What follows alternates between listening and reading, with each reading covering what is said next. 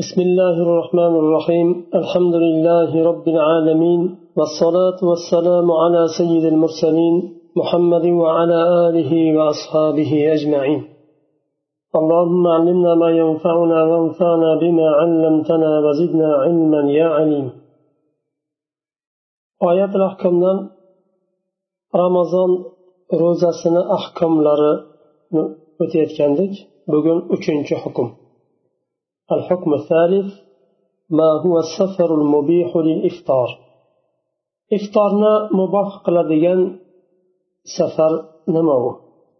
وأما السفر المبيح للإفطار فقد اختلف الفقهاء فيه, بعد اتفاقهم على أنه لا بد أن يكون سفرا طويلا على أقوال.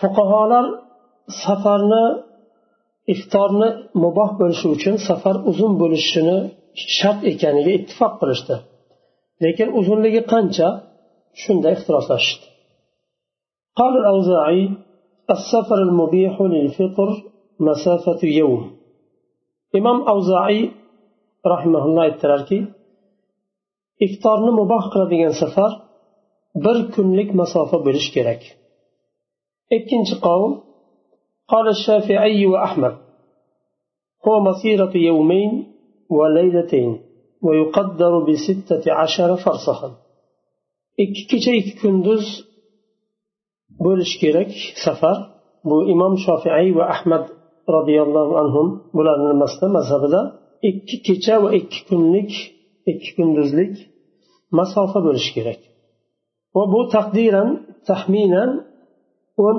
olti farsax bo'ladi demak bir farsax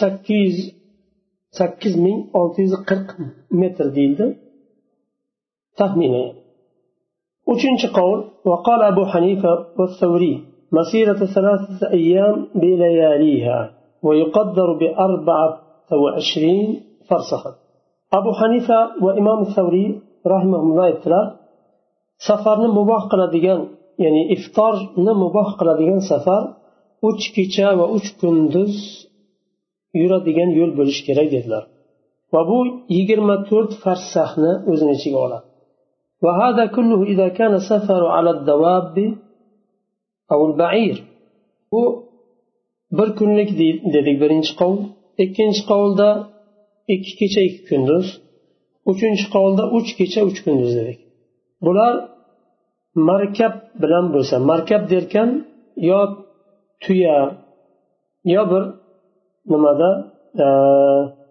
yuradigan bo'lsa.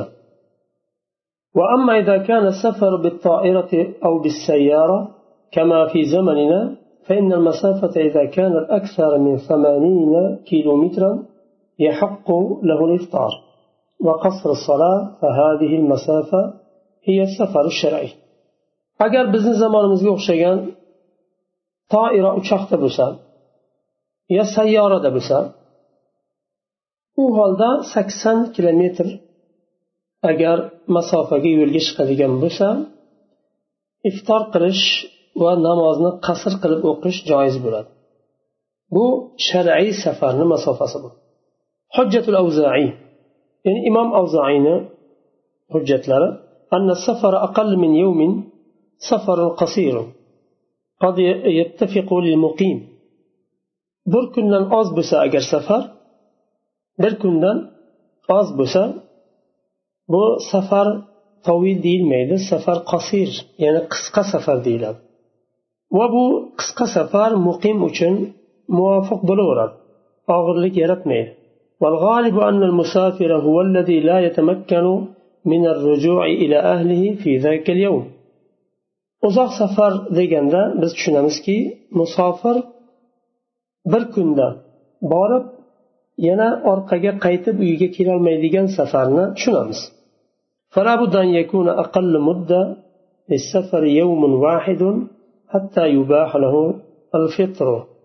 Shuning uchun bir kundan oz bo'lmaslik kerak eng ozida bir kun bo'lishi kerak safar muboh bo'lishi safarda iftor qilish va namozni qasr qilib o'qish joiz bo'lishi uchun hujjatu shafiiy va ahmad imom shofiiy va imom ahmad rahimahulloh ularning hujjatlari dalillari أولا أن السفر الشرعي هو الذي تقصر فيه الصلاة. وتعب اليوم الواحد يسهل تحمله يسهل تحمله. أما إذا كان تكرر التعب في اليومين فإنه يشق تحمله birinchi dalillari shar'iy safar. Nima degani? Shar'iy safar unda namozni qasr qilishlik joiz degani.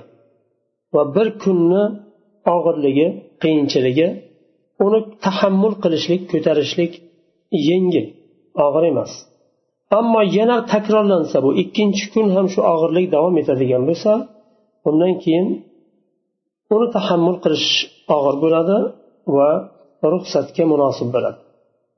ثانيا ikkinchi dalillari ما روي عن النبي صلى الله عليه وسلم أنه قال يا أهل مكة لا لا تقصروا في أدنى من أربعة برد من مكة إلى أصفان رسول الله صلى الله عليه وسلم حديث aytdilar ey ahli makka to'rt burddan oz masofaga namozni qasr qilmanglar makkadan asfongacha dedilar bir burd o'zini ichiga uch farsahni oladi barid deydi baridni jami burd قال أهل اللغة وكل بريد أربعة فراسخ تورت فرسخنا uch farsah emas to'rt farsahni o'zini ichiga oladi فيكون مجموعه ستة عشر فرسخا uni majmu nimasi to'plami o'n olti farsax bo'ladi. ثالثا uchinchi dalillari ما روي عن عطاء أنه قال لابن عباس أقصر في عرفة فقال لا فقال إلى مر الظهران فقال لا ولكن أقصر إلى جدة وعصفان والطائف ato roziyallohu anhu ibn abbos roziyallohu anhudan so'radilar. Arafaga borganda qasr qilamanmi? Ibn abbos roziyallohu anhu yo'q dedilar. Marra zahronga borsam qasr qilamanmi? Ibn abbos roziyallohu anhu yo'q dedilar. Va aytdilarki jaddaga asfon va toifga borsangiz qasr qiling dedilar. Bu masofa yetmish sakson kilometr atrofida. bu jadda makkadan jaddagacha asfon va toifgacha taxminiy nimasi? Yetmish sakson orasida قال القرطبي والذي في البخاري وكان ابن عمر وابن عباس يفطران ويقصران في أربعة برد وهي ستة عشر فرصها إمام قرطبي رحمه الله اتلال بخاري دكيا حديثنا ذكر قلال اتلال كي ابن عمر ابن عمر va ibn abbas roziyallohu anhu to'rt burudlik yo'lga chiqsalar namozni qasr qilardilar va ramazonda og'izni ochardilar iftor qilardilar va bu to'rt burud o'n olti farsax وهذا هو المشهور من مذهب مالك رحمه الله وقد روي عنه أنه قال أقله يوم وليلة واستدل بحديث لا يحل لامرأة تؤمن بالله واليوم الآخر تسافر مسيرة يوم وليلة إلا ومعها ذو محرم imom molik rahimaullohni ham mazhablarida mashhur bo'lgan qovul shu va u kishidan yana rivoyat qilinadi eng oz masofasi bir kecha va bir kunduz bo'lishi kerak deydilar va quyidagi hadisni dalil qildilar allohga va qiyomat kuniga iymon keltirgan ayol kishiga halol bo'lmaydi bir kecha va bir kunduzlik yo'lga safar qilishi halol bo'lmaydi magar mahrami bilan dedilar. Demak bu yerda bir kecha va bir kunduz masofa safar deyildi. Hujjat abi hanifa va savriy imom savriy va imom abu hanifa rahimahulloh ularni hujjatlari.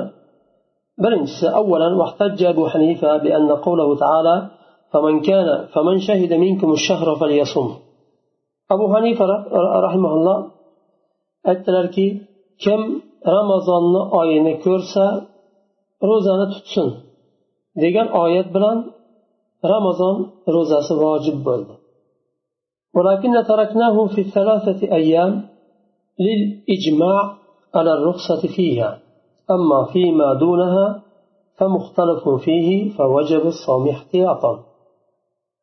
asl ramazonning ro'zasi vojib. Biz bu nimani e, ramazonni ro'zasini tutmaslik ya'ni og'izni ochishlik mumkin dedik. Uch kun va uch kecha uch kecha va uch kunduzda ijmo hosil bo'lganligi uchun. Uch kecha va uch kunda uch kunduzda ijmo hosil bo'ldi. Imomlarni orasida. Lekin uch kecha va uch kunduzdan ozida ixtilof bor. Ikki kecha ikki kunduz desak va imom abu hanifani mazhablariga to'g'ri kelmaydi. Bu yerda ya'ni ixtilof bo'ldi. Va savriy ham u kishiga ham to'g'ri kelmaydi. U kishini mazhabiga ham. Bir kecha bir kunduz desak ham imom abu hanifa imom shofiy va ahmad bularni hammasi e, mazhablariga to'g'ri kelmaydi chunki imom ahmad va imom shofiy ular ikki kecha ikki kunduz deyishdi ixtilofli bo'ladi uch kecha uch kunduz desak hammasini mazhabiga to'g'ri tushadi dedilar ثانيا ikkinchi dalillari احتج بقوله عليه الصلاة والسلام يمسح المقيم يوما وليلة والمسافر ثلاثة أيام ولياليها وقد جعل الشارع إلة المسح ثلاثة أيام السفر والرخص لا تعلم إلا من الشرع فوجب اعتبار الثلاث سفرا شرعيا رسول الله صلى الله عليه وسلم aytdilar muqim bir kecha va bir kunduz masx tortadi mahsiga musofir uch kecha va uch kunduz masx tortadi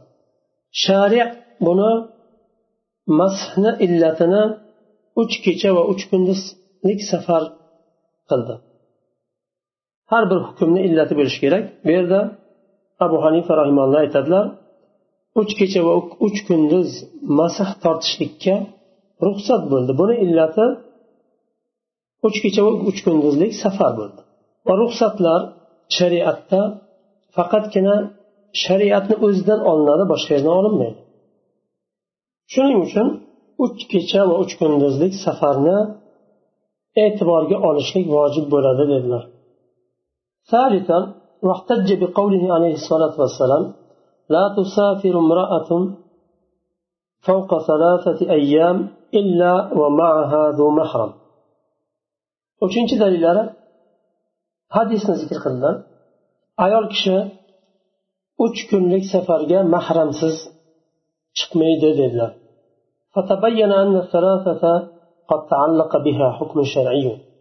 bundan bayon bo'ladiki uch kun bu nima shar'iy hukm uch kunga taalluqli bo'ldi وغيرها لم يتعلق فوجب تقديرها في إباحة الفطر وأش كنا boshqalari ikki kun bir kun bular bularga bu hukm taalluqli bo'lmadi uchun shu uch kunni taqdir qilishlik vojib bo'ladi dedilar قال ابن العربي في تفسيره أحكام القرآن.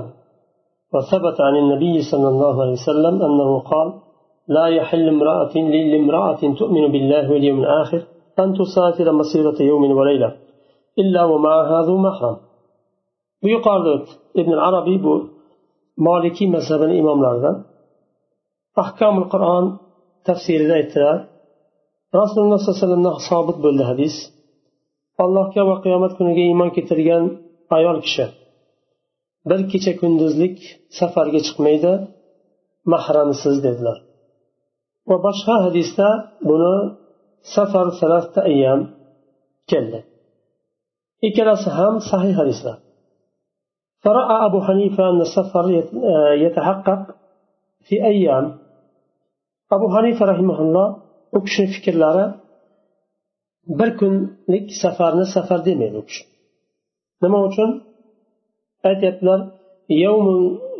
yovmun آه، السير المجرد. يوم يتحمل فيه عن أهله ويوم ينزل فيه في مستقره واليوم الأوسط هو الذي يتحقق فيه السير المجرد. برينش كنو ذا سفر جوز لارنا خاضر لاب ويلا دانش قبل ينا بركنو وآخر كنو وچنش بارب yetib borgan yerlari yerida yerlashadi joylashadi. O'rtada ikkinchi kun qolyapti. Bu ikkinchi kunda faqat yuriydi.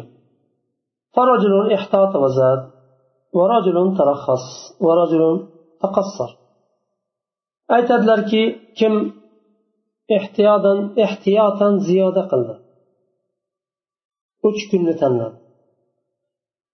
Kim ruxsatni oldi ozrog'ini oldi eng ozini oldi. Kim qasr qilishga nimani e, ruxsatni eng ozini oldi deyaptilar.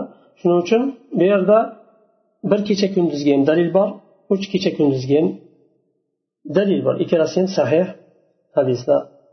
Aqul deyaptilar bu nima e, muallif rahimalloh umur ibadati فيها الاحتياط. ibodat ishlarida ehtiyot lozim ولما ثبت عنه صلى الله عليه وسلم منع المرأة من السفر مسيرة ثلاثة أيام وثبت يوم وليلة وكلاهما في الصحيح. لذا كان العمل بالثلاث أحوط فلعل ما ذهب إليه أبو حنيفة يكون أرجح والله أعلم.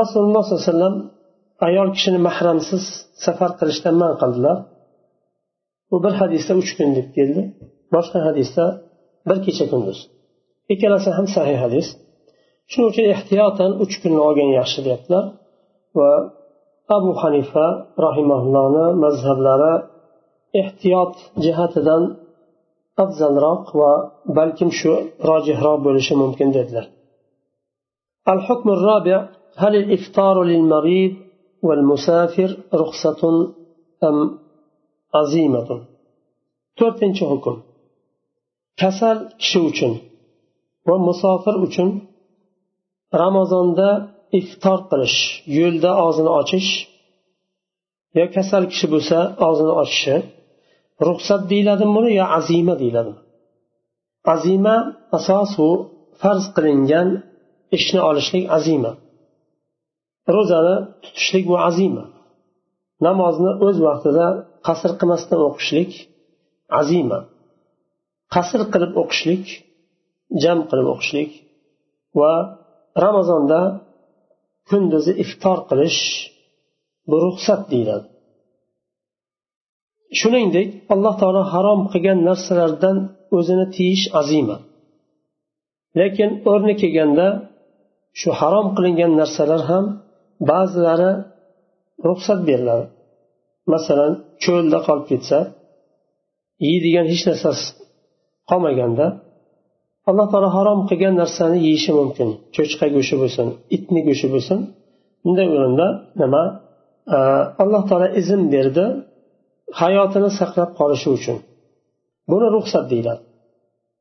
Azima bo'lsa olloh harom qilgan narsadan tiyilish bu yerda endi ramazonda kunduzi iftor qilish og'zini ochish musofir uchun va kasal uchun ruxsatmi azimami ixtiloflashildi ذهب أهل الظاهر إلى أنه يجب على المريض والمسافر أن يفطر ويصوم عدة أيام من أيام أخر وأنهما لو صام لا يجزئ صومهما لقوله تعالى فمن كان منكم مريضا أو على سفر فعدة من أيام أخر.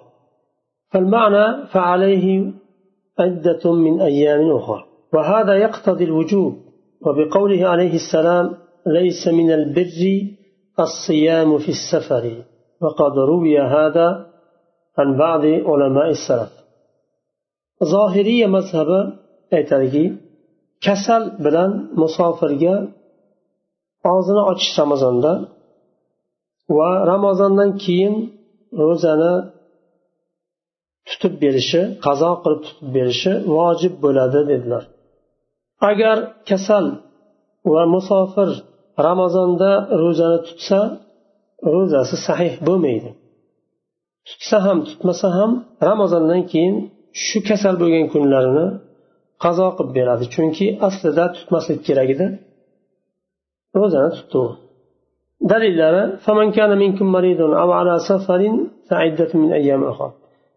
sizlardan kim kasal bo'lsa yoinki safarda bo'lsa boshqa kunlarda ramazondan keyin tutib bersin degan oyatni dalil qildi. Va buning ma'nosi boshqa kunlarda tutib berish vojib bo'ladi degan ma'no chiqadi.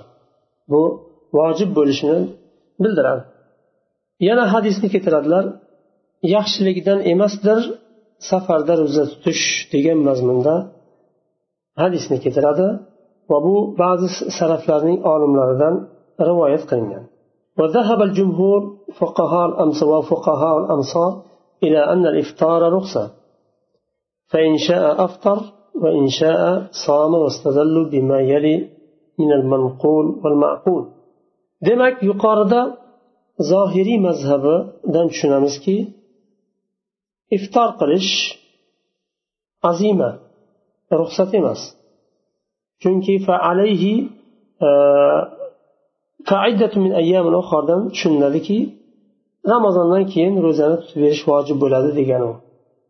Jumhur ulamolar aytdilarki boshqa mazhablar iftor qilishlik ramazon oyida u ruxsat azima emas ruxsat bo'lgandan keyin istasa tutadi istasa ramazon oyida iftor qiladi kasal bilan musofir istasa tutadi agar ro'za tutadigan bo'lsa ro'za sahih bo'ladi dalillari aytdilarki إن في الآية إضمارا تقديره فأفطر فعليه عدة من أيام أخرى yuqoridagi oyatda idmor bor mahzuf qilingan so'z bor فمن كان منكم مريضا أو على سفر فأفطر فعدة من أيام أخرى demak faaftara degan idmor bor tushirib qoldirilgan bir so'z bor ya'ni kim sizlardan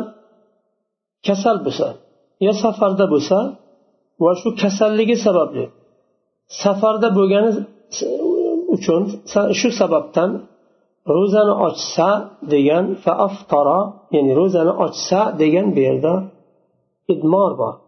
Boshqa kunlarda tutib bersin. Va bunga o'xshagan idmor qilingan oyatlarni misol keltiryaptilar.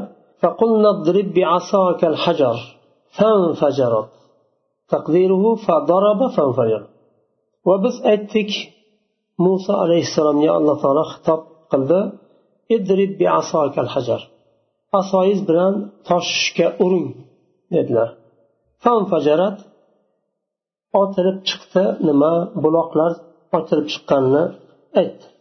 Bu yerda hajardan keyin fadoroba degan idmor bor. Mahzuf qilingan so'z bor. Ya'ni jumlani siyoqidan tushuniladigan so'z bor.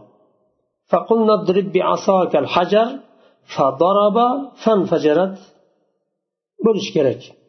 Agar u nimani idmor qilinmasa. Boshqa yana misol keltiryaptilar.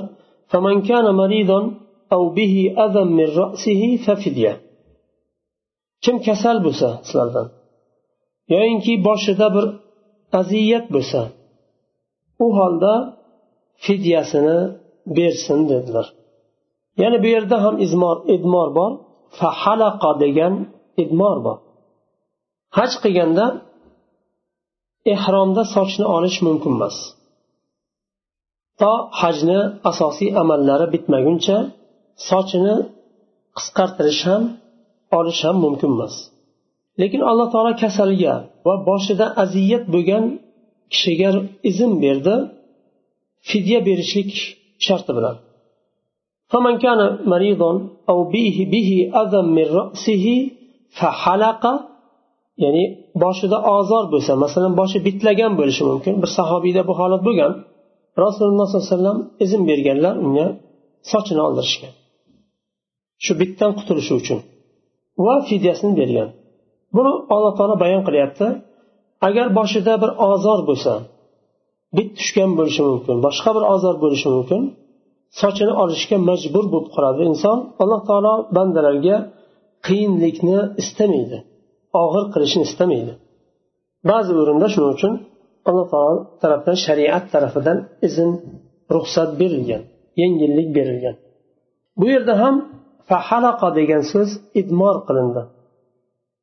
Bunga o'xshagan idmorlar fil qur'oni kathirun la yunkiruhu illa jahil qur'onda idmor qilingan nimalar oyatlar ko'p buni johildan boshqa hech kim inkor qilmaydi navbatdagi dalillari واستدلوا بما ثبت عن النبي صلى الله عليه وسلم بالخبر المستفيض أنه صام في السفر ويرى dalillari mashhur hadisni nima qildilar dalil qildilarki rasululloh sollallohu alayhi vasallam safarda ro'za tutganlari haqida keyingi dalillari uchinchi dalillari وبما ثبت عن أنس قال سافرنا مع رسول الله صلى الله عليه وسلم في رمضان فلم يعب الصائم على المفطر ولا المفطر على الصائم anas roziyallohu anhu aytadilar rasululloh sollallohu alayhi vasallam bilan safarga chiqdik ramazonda. Ramazon oyida safarga chiqdik. Ro'za tutuvchi kishi og'zini ochgan kishini ayblamadi safarda va og'zini ochgan kishi ham ro'za tutuvchini ayblamadi. Demak sahobalarni ichida ro'za tutgan bo'ldi va og'zini ochgan ham bo'ldi iftor qilganlar ham bo'ldi. Birisi birisini ayblamadi. Nima uchun tutyapsiz yo nima uchun tutmayapsiz deb to'rtinchi dalillari وقالوا إن المرض والسفر في موجبات اليسر شرعا وعقلا من موجبات اليسر شرعا وعقلا فلا يصح أن يكون سببا للعصر kasallik bilan safar yengillikni vojib qiladigan narsa shar'an va aqlan va bu ayni narsa ya'ni bu kasallik bilan safar og'irlikka sabab bo'lishi sahih bo'lmaydi dedilar وأما ما استدل به أهل الظاهر من قوله عليه الصلاة والسلام ليس من البر الصيام في السفر ظاهرية مذهب hadisni nima qilganda dalil qilganda safarda ro'za tutishlik yaxshilikdan emas degan mazmundagi nimani hadisni dalil qilishganda bunga endi raddiya beryaptilar bu xos bir sabab bilan hadis vorid bo'ldi. وهو أن النبي صلى الله عليه وسلم رأى رجلا يظلل والزحام عليه شديد فسأل عنه فقالوا صائم أجهده العطش فذكر الحديث رسول الله صلى الله عليه وسلم safarda bir kishini qiynalganini ko'rdi.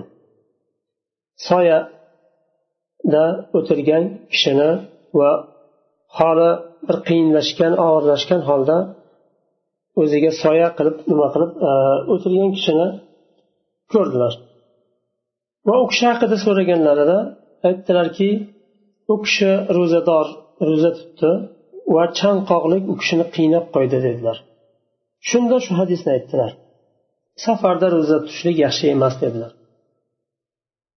Balkim bu safar ramazonda bo'lmagan bo'lishi mumkin. Nafl ro'za ham bo'lgan bo'lishi mumkin allohu alam. قال ابن العربي في تفسيره أحكام القرآن وقد عزي إلى قوم إن سافر في رمضان قضاه صامه أو أفطر وهذا لا يقول به إلا الضعفاء الأعاجم ابن عربي رحمه الله يترى bu fikr bir qavmga nima nisbat berildi? Ya'ni ramazonda agar safar qilsa musofir qazo qiladi. Agarchi ro'zani tutgan bo'lsa ham safarda ramazondan keyin qazo qilib beradi chunki ro'zasi sahih bo'lmaydi. Buni ibn arabiy aytdilar buni bunday qavmni faqatgina ajam arab bo'lmagan zaiflargina aytadi dedilar. فإن جزالة القول وقوة الفصاحة تقتضي تقدير فأفطر. وقد ثبت عن النبي صلى الله عليه وسلم الصوم في السفر قولا وفعلا وقد بينا ذلك في شرح الصحيح وغيره. tilni yaxshi bilgan kishi arab tilini yaxshi bilgan kishi va fasohati quvvatli idmor bo'lishligi zarur ekanligini tushunadi فمن كان منكم مريضا أو على سفر على سفر keyin فأفطر degan idmor bo'lishligini siyoq oyatning siyoqi taqozo qiladi va yana rasululloh alayhi vasallamdan qavlan va fi'lan safarda ro'za tutganliklari rivoyat qilinadi bu narsani deyaptilar Sahihni sharhida bayon qildik deyaptilar shu yerda to'xtaymiz keyingi darsda inshaalloh beshinchi hukmdan davom etamiz. Subhanakallohu va bihamdik. Ashhadu an la ilaha illa anta astag'firuka va atubu ilayk